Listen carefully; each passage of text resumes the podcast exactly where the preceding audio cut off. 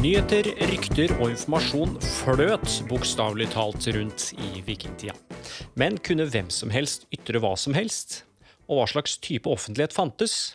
Med meg for å snakke om dette har jeg historiker og forfatter Tore Skeie, og Hans Jakob Orning, professor i historie ved Universitetet i Oslo. Velkommen.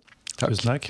Tore, en av de tingene som imponerer meg mest med vikingene, er hvor kosmopolitiske de var. Altså, bosettinger langt utenfor det som eh, i dag er Norges landegrenser. Hvordan opprettholdt de et så stort og spredt eh, nettverk? Altså, verden var mer knytta sammen enn vi er lett for å tenke oss. Og vi i dag skiller jo mellom hva som er norsk og hva som ikke er norsk. Det blir jo helt anakronistisk på den tida. Eh, så man kunne f.eks. så kunne man seile med et skip fra kysten av Danmark til England på tre-fire døgn. Hvis man hadde, hadde gode medvind og uh, ikke uh, opplevde problemer. Så folk flytta seg mye rundt, og informasjon flytta seg mye rundt. En ting som er interessant med vikingtida, hvis du ser litt sånn stort på det, det er jo at vikingene hadde jo en Um, og så alle disse her angrepene på klostre og på, uh, på, sårbare steder rundt omkring i Europa, det, det er jo et slags sånn mønster her at, uh, som viser at vikingene har hatt uh, god kunnskap, nesten i sanntid, om hvor det har vært lurt å angripe. noe som tyder i seg selv på at man har fått informasjon fra den store verden fortløpende. Mm. Og så er det jo også det at at dette er en utrolig maritim kultur. Mm, mm. Slik at, uh, som du sier, det tar veldig kort tid å, å, å seile fra, fra, Danmark til England. Mm. Fra Norge til Island tar det også en to-tre dager. Til, til, til, Shetland tar det bare ett døgn. Men å, å, seile fra Bergen til eh, Trondheim eller til Oslo tar én uke. Og å dra over land tar jo ekstremt mye lengre tid. Og for eksempel, eh, Man tenker jo ofte at hvorfor er ikke Sverige eh, Sverige sånn som i dag. Hvorfor tilhører Skåne Danmark og ikke Sverige? Eh, det tar 30 dager å reise gjennom skogene. Eh, fra, fra, Skåne til, eh, til Jøtaland. Mm. Eh, så det er klart at Uh, hvis, man det, hvis, man tar hensyn til det, så blir det en helt annen geografi. Og Norge, f.eks., det er jo Man har jo skatter, store skatter langs kysten i lang, lang tid. Skatter i Innlandet. Det forsøker man å innføre på slutten av 1200-tallet. Bitte små skatter. Det er nesten helt umulig. Fordi Innlandet er bare Det er et annet sted hvor det er, det er selvfølgelig transport der og kommunikasjon, men, men er, den går mye langsommere. Mm. Uh, det er nærmere i luftlinje, men på mange måter veldig mye lenger unna. Ja. Mm. Ja. Mm. Eh, men Hvordan opprettholdt man eh, informasjonsflyt i et eh, samfunn? Hadde jo ikke en avis eller telegraf eller noen ting til å hjelpe seg? Nei, det var jo et samfunn uh, som i veldig stor grad var muntlig. Men det var et samfunn der folk, og derfor også informasjon, flytta seg uh, jeg vil si ganske forbausende fritt og åpent og raskt rundt. Uh, så hvis vi zoomer liksom ut av det store geografiske bildet, så har, jo, så har det vært faste handelsstasjoner, havn, eh, havner som norske kjøpmenn har reist til og fra i, rundt omkring i eh, Europa. Og de har jo da sant, vært sånne nøkkelpunkter i et informasjonsnettverk som nyheter og informasjon og rykter og fortellinger av ymse slag har eh, funnet veien tilbake til Norge. og gjort at uh, mange i Norge har nok hatt et ganske uh, i hvert fall et, et, et um, mer oppdatert bilde av som, hvordan det har vært andre steder i verden, enn det vi ofte kan ha lett for å tenke oss, tror jeg. Men det var jo ikke noe postvesen eller sånn, var det noe, var det noe ryktevesen? Hvordan sørget man liksom for at disse tingene faktisk ble formidla videre? Var jo, dette var jo et, et dugnadssamfunn på, på, på, mange måter. og Altså F.eks. Hvis en, eh, hvis en fiendtlig hær eh, kom til den norske kysten, så var det sånne vardesystemer der man skulle tenne på eh, store bål på, på, høyder i landskapet. Eh, dette er systemer som går langt tilbake til lenge før vikingtida også. Som, eh, som ble tent på, så så man røyken, og så tente man på neste, og så flytta informasjonen seg raskt over på den måten. da.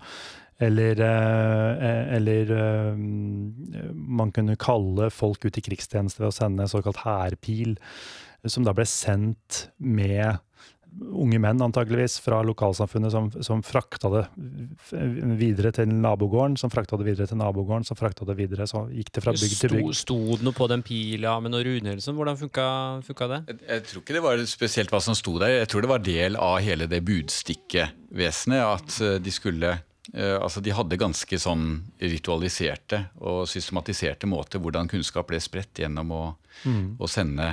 Og uh, ettersom jeg vet, så er hærpil altså at, at, det er en Du sender et eller annet som viser at er, nå er det ufred. Mm. Det er har vi, noe, jeg tenker på, det er jo at, eh, vi har jo store problemer i dag med fake news. Eh, dette høres ut som et system som også var eh, lett kunne plukket opp litt støy på signalene her. Mm. Har vi noen eksempler på noe fake news? Noen hærer som ble meldt som egentlig ikke var der? og sånn? det var vel i hvert fall altså dette her, det var, det var jo et risikabelt system. Dette her Varde-systemet, f.eks. Der ble det vel på et tidspunkt Eh, så vidt jeg husker, innført, eh, innført dødsstraff for å, for å gi, slå falsk alarm. For da ah. satte man i gang hele systemet ikke sant? oppover raskere enn noen kunne bevege seg etter. Så, så, ville man kunne sette i gang en veldig kostbar og svær operasjon. Men så, så, så vidt jeg husker, så ble det her da igjen et problem. fordi at terskelen for å melde fra ble så høy at, uh, at det virka mot sitt hensikt. Så det var jo, et, uh, det var jo fordeler og ulemper med et sånn dugnadssystem. da. Så tror jeg kanskje Den mest spektakulære tilfellet av, fake news i norsk historie, som jeg kom på, i hvert fall, det er jo at uh, da Sverre ble bannlyst, som jo han ikke var spesielt fornøyd over, så um, var det ifølge sagaen hans så var det noen som hadde um, fått um, innløsning, så han ikke var bannlyst lenger. Men de hadde dødd på veien, og det var veldig mye fram og tilbake som gjorde at uh, Sverre kunne proklamere på alle ting i Norge at nei, den bannlysningen den er, den er over, folkens. Mm. Og det er det ingen som helst dokumentasjon på at det er tilfellet. Men eh, et tema i denne serien er jo ytringsfrihet. Og nå var det jo selvsagt ikke noe konsept om formalisert eh, ytringsfrihet i vikingtiden. Men eh, var det likevel slik at man skulle passe seg litt for hva man sa til hvem i, i dette samfunnet? Vi må tenke på det gamle samfunnet på en litt sånn grunnleggende annen måte enn vi tenker på samfunnet vårt i dag. Et, et samfunn består av altså Det gamle samfunnet, vikingtidssamfunnet, middelaldersamfunnet, besto av mange fellesskaper, mange kollektiver, mange grupper. Og, eh, og eh, hva en eh, mektig høvding kunne si og foreta seg, var selvsagt helt annerledes enn hva en en liten mann kunne gjøre, for ikke å snakke om en trelle. Så det kommer jo helt an på hvem hvem vi snakker om. Mm. Det fantes på en måte ikke en felles arena der alle var like. Nei. Men ta kongen, eksempel. Det å fornærme kongen har jo vært eh, en eh, kriminell handling helt opp til nytid, nesten. Var det, var det farlig, hvis du skulle finne på å fornærme kongen på et eller vis? Eh, det vil jo komme helt an på hvem det er, og i hvilken kontekst det er. Og Kongesagaene som vi har, forteller jo om mange situasjoner hvor konger eh, står så svakt, f.eks. At, eh, at de ikke har noen mulighet til å ta igjen. Um, det er jo også tilfellet at um, en konge regjerer ikke alene. En konge har rådgivere rundt seg. Og en, noe av det verste en konge kan ignorere, det er råd. Og når går et råd over til å bli en, en, fornærmelse? Altså Det er en del av disse rådgiverne som er ganske sånn direkte i måten de gir, gir råd på. Og en konge må selvfølgelig, er jo selvfølgelig den som står på toppen og skal ta, ta stilling til hvem man skal lytte til. F.eks. hvis det er forskjellige meninger innenfor, uh, innenfor, en diskusjon om man skal gå til slag eller ikke, eller hvordan man skal gjøre det. Men, uh, men kongen er ikke så veldig høyt hevet over de andre nødvendigvis. Og, og hvis han oppfatter oppfatter seg som det, så, så, er det ikke sikkert at han er konge så veldig mye lenger. Nei, Vi hadde vel sånne hoffnarrer og sånn på denne tiden. Det er jo mange som har pekt på at det var en farlig jobb å ha. Hvis du skrev noe feil der, så kunne du bli høy av huet på. Eller hvis du skrev noe riktig, så kunne du bli rik. Var det tilfellet her òg? Altså, nå har vi jo ikke hoffnarrer så mye i Skandinavia som vi har skalder. Uh, og skalder er ikke narrer, men skalder er jo folk som, i hvert fall hvis vi skal tro kongesagaene, så, så, kan skaldene komme med utrolig mye kritikk av, av kongen uh, gjennom, gjennom, kvadene. Det, de virker jo å være nesten en litt sånn særstilling. Uh, at de nesten har en form for diplomatisk immunitet eller noe sånt, der de, der de, har en ganske fri posisjon til å kritisere.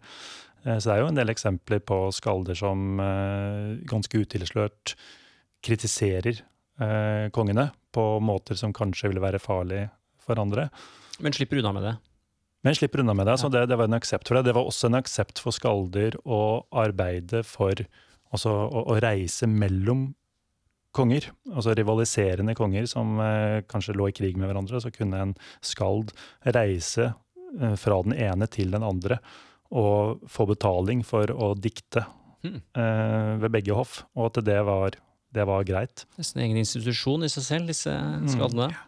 De er jo også uttrykk for et klima hvor det er mulig å, mm. å både kritisere kongen, og hvor kongen er del av et, av et større fellesskap. Mm. Hvor, uh, hvor, de, hvor, det måtte gi lite mening å skille ut kongen som en isolert aktør, eller, eller som en som har et institusjonelt rammeverk. Mm. Uh, han, må, han, må, først og fremst forholde seg mye mer pragmatisk til, uh, til hvordan han oppfører seg. Jeg tror kanskje litt sånn kjernen her er at eh, en konge i eh, i hvert fall i, hvert fall i Norden eh, i, i vikingtida og i middelalderen hadde et veldig lite maktapparat, egentlig. Og var hele tiden avhengig av å forhandle med omgivelsene sine. Sånn at uh, Olav Haraldsson, eksempel, uh, Olav den hellige, han reiste jo kontinuerlig rundt i riket med regjeringen sin. Eh, og den besto jo bare av eh, kanskje 200-300 personer. Eh, og så flytta han seg rundt og forhandla hele tiden sant, med lokale høvdinger, lokale storbønder og folk som hadde makt i de lokalsamfunnene som det norske kongeriket besto av. Så det, det, kan man si var et slags det politiske livet i denne perioden, var sånne lokale forhandlinger som kongen måtte foreta seg, da. Ja, ja. og der kongen måtte gi mye, eh, tror jeg. Altså det, et sånn mønster, i hvert fall i, hvert fall i, eh, i vikingtida, det er jo at eh, en konge mister makten når høvdingene ikke ser seg tjent lenger. Eller, eller eh, når, de, når, det dukker opp en rivaliserende konge som eh, kan gi dem bedre vilkår eller mer penger. Eh, eller, eh, eller, friere stilling eh, osv. Så, videre. så en konge var på en måte hele tiden veldig avhengig av støtten til de under seg, på nivået under seg. Dette høres litt ut som Game of Thrones-lignende situasjon. Er det Game of Thrones har mye, mye, gode analyser som passer for middelalderen, så ja. mitt ønske er jo at man neste gang tar Snorre ja. og, og, bruker det som utgangspunkt for å lage Game of Thrones. Mm. For uh, det er klart at kildene våre gir ikke Det er veldig mye vi ikke vet der.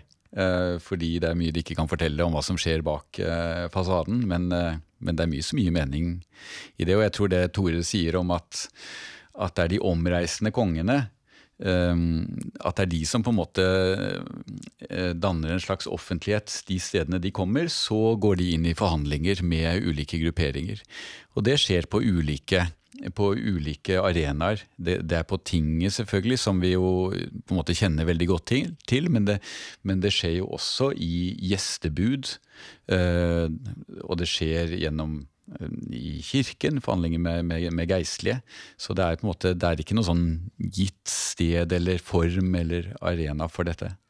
Du nevner konseptet offentlighet der. I moderne forstand så innebærer jo det at man skiller mellom at noe er privat og noe er offentlig. Fantes det et sånt skille i eh, vikingtiden? Jeg tror man må tenke litt annerledes rundt disse begrepene når vi går til middelalder. For øh, øh, offentlig er jo noe som dels um, på en habermasiansk måte kan knyttes til en, til en, borgerlig offentlighet, men vi tenker jo også offentlig rundt offentlige dokumenter rundt det som har med staten, kongen, å gjøre, mens vi tenker på privat som noe som hører til privatpersoner. Hvis vi går til, til, til middelalderen, så er, um, så er det private er hvis, hvis, man skal definere det på noen slags motsats til det som er offentlig, så må det være i form av det som er skjult. Um, det, som, det, som, ingen får vite om. Uh, og det kan være f.eks. et uh, tyveri som, som jo er, idømmes lovens strengeste straff. Men hvis du gjør et tyveri åpent, da heter det et ran, og da er det, da er det mye greiere. Tilsvarende hvis du dreper en person. Hvis du dreper vedkommende åpent, hvis du sier 'jeg er drapsmannen', så går du gjennom det vi kaller for en viglysing. Altså at du lyser drapet. Eh, og da er det, da er det offentlig kjent. Og da er det på en måte legitimt, fordi da er det i hvert fall noe som andre kan forholde seg til, og det kan ofte ha gode grunner, det kan være hevn osv. Men hvis du gjør et mord hvor du dreper noen uten å si fra, hvor det blir oppdaget at det er du som har gjort det, da er det igjen lovens strengeste straff. Så hvis man skal tenke offentlig privat her, sånn, så er det i hvert fall min mening at, at det må dreie seg om hvorvidt noe er kjent eller ikke. Og dette henger jo litt sammen med altså Vi har jo ikke noe ytringsfrihet eller, eller noe sånn i, i den tiden, men dette med, dette med ære som, som, en, som, en, egenskap som på en måte knytter seg til hvordan du blir oppfattet av andre, det hører jo sammen med hva er det man tenker på som kjent, hva er denne personen assosiert med? Mm. Og da kan man si at, uh, at, middelalderen er et intenst offentlig samfunn på den måten at alle er veldig opptatt av av folks rykte, av hva som knytter seg til dem, av hvordan de, hvordan de oppfattes. Mm. Uh, og det, um, og det, og det handler jo om, om, kjente handlinger. Og så kan det være andre ting som man ønsker å holde skjult. Uh, og det, det, er det private. Og det, det, kan man ha gode grunner for. Og, og da er det hele tiden en sånn vekselvirkning mellom hva er, det som, hva er det man klarer å holde hemmelig, og hva er det som er oppe, som, blir, som, som alle i prinsippet vet. Mm. Det er jo et samfunn uten en stat, sånn som vi tenker på det. Og der veldig mange av de oppgavene som staten gjør i dag, som å, som å ivareta individers rettigheter og sørge for folks sikkerhet osv. Det finnes ingen stat som gjør det. Uh, og det gjør det jo egentlig ikke gjennom hele middelalderen i, i, i, særlig grad. Og det skaper et annet type samfunn der, der uh, enkeltmenneskers troverdighet blir veldig viktig. Der folk må stole på hverandre på lokalt plan. Og derfor der du på en måte lever i en slags sånn, kall det offentlighet, der du, der du hele tiden må sørge for at du har ære og har troverdighet, og at folk vet at de kan, kan stole på at du holder ditt ord osv. Og på denne måten så kan vi jo nesten sammenligne dette med, med det vi i moderne forstand snakker om som bygdedyret. Som, som, som er lokalsamfunnets sånn selvjustis og, og, og ryktespredning. Som, som i moderne tid har en veldig negativ klang, mm. men som jo egentlig er en slags sånn offentlighet hvor man, hvor man uh, bryr seg om hverandre på, på godt og vondt, og, og, og, vet veldig mye om hverandre. Mm.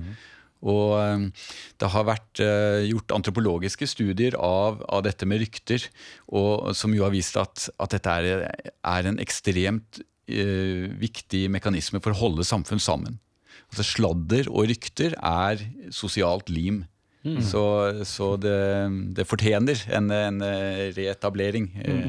ja, oppreisning. På, på, mange måter tror jeg sosiale medier og Twitter også har eh, oppheva litt det skillet mellom det private og det offentlige. Og det er jo mange nå som får fyken i jobbene sine med å gå for politiske verv for ting som man kanskje for 100 eh, år siden ville sagt nei, men det var privat. Han hadde en elsker, det nevner vi ikke. sant? Mm. Nå kan det bli veldig brennhett i sosiale medier. Og så får man beskjed om å pakke sakene sine og gå. Mm. Og da har man jo kanskje litt tilbake til sånn det var da i, eh, i vikingtiden og middelalderen. Ja, Det er jo et interessant perspektiv at vi, at vi, er inne i en fase hvor det er mindre skille mellom privat og offentlig, litt på samme måte. ved at det er at både omdømmet er viktigere, men også at det er så utrolig mye mer tilgjengelig. Mm. Det er jo vanskelig Det er vel noen ting som mediene vet i dag som de ikke vil si noe om, men det er vel langt færre ting. Altså f.eks. Uh, uh, offentlig kjente uh, personer som har elskerinner, er vel, er vel noe som man hadde større toleranse for i gamle dager enn i mm. dag. Mm. Absolutt. Eh, du nevnte at det var liksom ulike arenaer for politikk, både med kirken og tingene og, og sånn. Eh, vi kan jo kanskje ta det med tingene først. Det har vært mye snakk om det, hvorvidt det var liksom demokrati i vikingtiden, og om Stortinget liksom spiller på tradisjoner derfra og sånn. Hva er det som er fakta, hva er det som er myter eh, rundt dette? Det er um, mye myter, ja. Det vil jeg nok si. Uh, vi, at det til Stortinget er selvfølgelig liksom, Det er jo den virkelig ønske om å, om å bygge på den særnordiske demokratiske tradisjonen. Og det fins jo, jo forskere i dag også som mener at eh, tinget er på en måte demokratiets vugge, og at vi eh, sånn sett stiller på linje med antikkens Hellas. Og det er klart, tinget er Tinget er en viktig arena. Det er en arena vi har godt belagt fordi det er der lovene blir vedtatt. Og lovene er jo noen av de aller viktigste kildene vi har i dag. Eh, som gjengir også tydelig sånn prosedyrer for hvordan man skal gå fram i saker. Eh, det som er problematisk med lovene, er at de ikke blir fulgt. Eh, og det vet vi fordi vi har mm, de mest omfattende lovene som man har fra middelalderen, de er fra Island. Og Island har vi også veldig omfattende narrativt materiale i form av sagaene.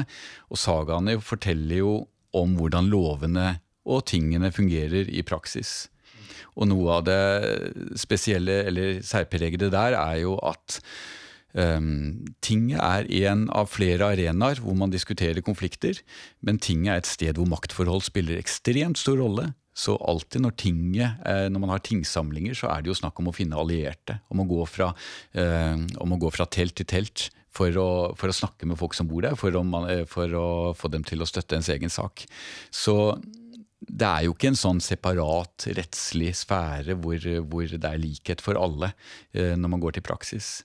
Mm. Så, eh, og I tillegg så er det jo også slik at man går litt sånn inn og ut av tinget. Tinget er egentlig en, en måte å løse konflikter på som er veldig integrert med, med hevn, med forlik, med, med, så, så, det er på en måte, Den kan ikke skilles ut som en separat sfære på den måten som vi tenker på rettsapparatet, hvor vi setter det i kontrast til liksom, rå makt eller retts, rettsapparatet. Hvem var det som deltok på tinget? Altså, var det representanter for ulike samfunn, eller hvordan foregikk det? Så Tinget er litt sånn, eh, litt sånn ullent begrep her. Da. Altså, altså, det er vel eh, altså, grunnleggende sett bare en forsamling av frie menn som møtes for å diskutere og, og snakke, og som vel blir mer formalisert etter hvert. Men det kan jo bety mange ting. Eh, ting. eh, men, eh, men, det er vel eh, kravet er er vel at man skal være en fri mann. Og Hva er det definert som eh, da? Det er at du er en, eh, at du er en bonde, en, en som er bofast, som har en, som har en gård. Og at du ikke er altså I vikingtid så er, jo, så er det jo eh, eh, satt i motsats til å være en trell. Og er du en trell, så er du eid av en annen. Uh, disse skillene blir selvfølgelig noe mer uklare etter hvert, fordi etter hvert så forsvinner trellene, og så får man det vi kaller for leilendinger. Og leilendinger de leier jord av andre, men de er frie. Altså De leier jord, men de er rettslig sett frie individer som kan møte på tinget, til forskjell fra i store deler av Europa hvor de, vi kaller dem livegne. Mm. Og da, de, da, leier de også jorden, men er også rettslig sett ufri. Men man møtte på ting ikke som representant for noe, noen andre, men som privatperson? Primært, Du er en representant for, for, ditt hushold, da. Ja. Sånn at uh, du er representant for din familie og for, dine, for de folkene som, som uh, tilhører husholdet som du representerer utad. Mm. Ting er jo, som Tore sier, et nokså ullent begrep, fordi at det, for, det, foregikk på så mange ulike nivåer. Og, og den måten det er framvokst på, er sannsynligvis som allmannating. At de er for lokale enheter, som så er blitt gradvis sentralisert. Men så får vi jo representasjonsting, sånn som de tingene vi kjenner til, med Gulating og Frostatinget. Um, og da er, det, da er det utvalgte representanter som kommer. Og det som vi ser i løpet av høymiddelalderen, er jo at eh, denne representasjonen blir eh, mindre og mindre. Altså Det er ikke slik at flere og flere vil dra på tinget, men det er antagelig så er det, så er det en plikt, og det er langt å reise. Du skal vekk fra, fra gården i jordbrukssesongen. Så, så antallet innsnevres, og etter hvert så blir jo også tinget en institusjon som får mindre betydning for kongene, i hvert fall på sentralt nivå. Så for Norge så blir tinget mindre og mindre viktig utover i, eh, i høymiddelalderen.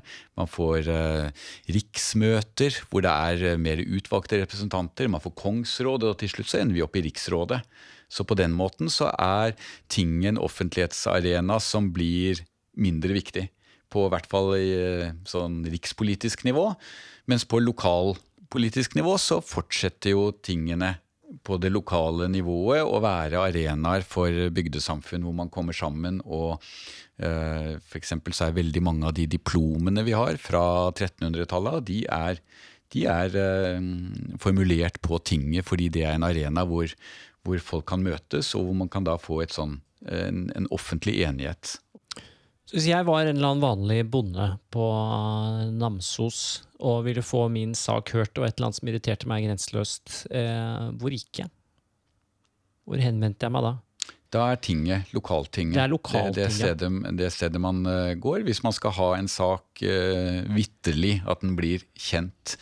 Så veldig mye av de uh, dokumentene vi har fra senmiddelalderen, det er eiendomsoffentliggjøringer. Uh, Altså det kan være arveskifter, det kan være, det kan være ektefeller som, som, skal gå sammen og, og, lage en ordning for dette. Så, så, her har man jo faktisk det tilfellet at det stedet hvor man har flest eh, flest eh, slike dokumenter, det er Telemark, som jo er på en måte det mest perifere området i hele Norge.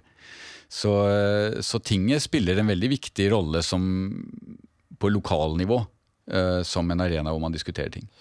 Jeg syns er vitterlig det høres ut som om dagens storting bygger på dette. Hva er motargumentene mot at det er en eh, lang linje fra disse tingene til Stortinget i dag? Jeg vil nok si at det først og fremst dreier seg om at disse tingene er viktige i lokalsamfunnet, men at på sentralnivå så kuttes forbindelsen til, eh, til disse tingene tingen er viktig i den innledende fasen for kongen når han skal forhandle fram kontrakter. F.eks. så er liksom militærtjenesten, Leidangen, den er vedtatt på tinget. Eh, men så ser kongen seg etter hvert tjent med mye smalere representasjon. slik at mens lokalsamfunnet fortsetter i, i ett spor, så blir eh, kongemakten mer sentralisert og, og, nærmer seg jo eneveldet. Og vi får jo også enevelde i Danmark-Norge i 1660. Og utviklingen fram mot det går jo gjennom at, at man får snevrere representasjon. Mm. Så på en måte mer eh, lokalt, i hvert fall forankra noe som ligner demokrati. Og så får vi mindre og mindre av det jo mer og sterkere stat vi får, jo sterkere kongeposisjon vi får. Ja, i hvert fall så at de, at de to eh, nivåene blir ganske klart atskilt. Men så kan mm. man jo også si at på lokalnivå så er det jo også mye eh, maktforhold som spiller inn, så der er jo heller ikke tinget det stedet du alltid går. Og, og det vi vet har, det har vært veldig mye, er, er, at det er andre offentlige arenaer, sånn som eh, gilder er viktige. Uh, selv om dokumentasjonen på dette er, uh, er, litt usikker, så regner man med at, at gilder hvor man Altså sånne uh, nærmest sånne sluttede samfunn hvor man møtes, og som har forsikring for hverandre, som holder fester, som har religiøse seremonier, at de er viktige. Men mer allment så er jo gjestebud veldig, veldig viktige. Eh, Tore, hva er gjestebud? Eh, det er altså hvis kongen reiste rundt i landet, da, sånn som jeg beskrev, eh, Olav den hellige, så ville han jo da invitere til gjestebud på forskjellige steder. Eh, det er jo å invitere viktige folk til en fest som tar litt sånn seremoniell form. Eh, som er en sånn arena som man eh, ja, kanskje kan drive politikk på, da, for å kalle det det. Det vi kaller smøring i dag, altså? Ja. Kort og godt. Mm. Eh, boka di, 'Hvitekrist', den har jo solgt over eh, all forventning. Eh, gratulerer med det. Eh, hva tror du denne interessen for vikingtid og middelalder kommer av? Altså Er det fordi den står så i kontrast til dagens samfunn, eller tror du det er mer fordi vi gjenkjenner liksom elementer av nåtiden i det, i det historiske? Du, det er et vanskelig spørsmål å svare på. Jeg veit ikke helt, jeg har tenkt mye på det sjøl. Men jeg lurer på om sånn uh, interesse for vikingtid og sånt i Norge har vært litt sånn tabubelagt uh, en stund pga. hvordan dette ble brukt uh, av nazistene. Og at, det, at, vi er litt sånn ut av en sånn periode der det slipper litt taket. Og at det, det, er en av grunnene til at dette her nå liksom vi, vi får liksom en sånn ny aktualitet og interesse. Det er jo et Altså kongesagaene og den informasjonen vi har om den gamle verdenen, er jo et sånn ganske fantastisk univers med fascinerende fortellinger og historier og bilder som, eh, som Så når det har ligget litt sånn derre ubrukt i en generasjon, kanskje. Så, så er det liksom naturlig at det får en sånn oppsving. Tror kanskje det har noe med det å gjøre. Mm, Man kunne jo også tenke seg at det dine fortellinger gjør, er å bryte opp fra den, den andre store fortellingen som middelalderen har hatt, eh, som nasjonalfortelling. Mm. Om hvordan Norge blir til, og i veldig stor grad bygd på at, eh, at man ser spor videre. Eller at man ser dette som røttene til, til, til, noe moderne, og dermed fokuserer i veldig stor grad på, på hvordan det ligner på vår tid. Mm. Mens det du gjør i, i, dine bøker, er å vise hvor, hvor fremme dette universet er. Mm. Uh, ikke fremmed på den måten at det er helt uforståelig, fordi, uh, fordi, disse individene er jo på en måte, de er jo mennesker som man godt kan forstå, men at selve konteksten de opererer i, er så er så forskjellig, og derfor eh, så fascinerende for en moderne leser å se at, at middelalderen er, og vikingtid er faktisk det er en helt annen verden. Det er en helt annen verden, men likevel gjenkjennelig. Det er noen sånne universelle mekanismer kanskje der også, så det er vel kanskje de brytningspunktet der at det blir mm. spennende. da. Mm. Hva, hva, er, eh, hva er, likt, og hva er ikke? Mm. Jeg føler at du har blitt eh, godt kjent med Olav den hellige? Overhodet ikke. Han er en eh, sånn vag eh, skygge eh, som jeg har I likhet med alle andre som levde på sin tid. Men det er jo det som er den store tiltrekningskraften for meg.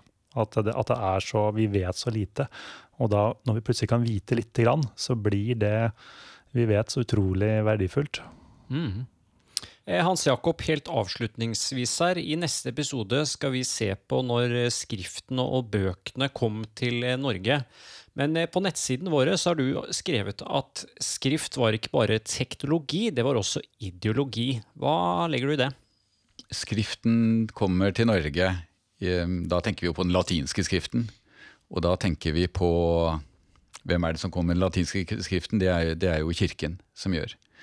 Og det, det, er jo ikke noe som er helt nøytralt eh, når en sånn institusjon kommer og, og, vektlegger noe helt nytt. Eh, den ene måten man kan se det på, er jo at man har jo skrift. Vi har runer. Så, så, og det er jo ganske interessant hvordan man tidligere har tenkt at runene forsvinner når uh, latinske alfabetet kommer, men det, det fortsetter jo. Så litt sånn, sånn to, tospråklighet, nærmest, de to tingene. Det andre er at, at skrift eh, innebærer jo også en tanke om at altså, hvis skriften skal kunne få noe verdi, så må man stole på det som skrives. Derfor så ser man ofte at f.eks. når sendebud kommer med brev, så er det ikke brevet, det som står i brevet, som er viktig, men det er sendebudet, måten dette presenteres på. Det er, det er ordene som kommer, det er hvem som sier ordene. Og dette er jo en sånn en tautrekking som, er, som vi ikke har så mange spor etter, fordi at den sjelden kommer sånn helt til overflaten. Men spørsmålet om hva er det som gir autoritet, f.eks. Er det skrift, eller er det ordet? Og Sånn sett så er det et ekstremt ideologisk spørsmål som, som jo tar veldig lang tid på å slå igjennom. Og Derfor ser vi også at når skrift vokser fram nedenfra gjennom diplomene, så tar det, så tar det ganske lang tid før de Eh, blir tatt i bruk, men når de først blir tatt i bruk, så kommer det mer og mer når bøndene skjønner at dette er faktisk noe som kan være ganske verdifullt, å ha skriftfestet noe, for da, da er det der for evig og alltid. Mm. Mer om dette i neste episode. Hans Jakob Orning, Tore Skeie, tusen takk skal dere ha. Du lyttet til serien Medienes stemmer og maktens sensur, produsert av Norgeshistorie ved Universitetet i Oslo. Mitt navn er Anders Brenna, og ansvarlig for denne serien er Ellen Katrine Lund.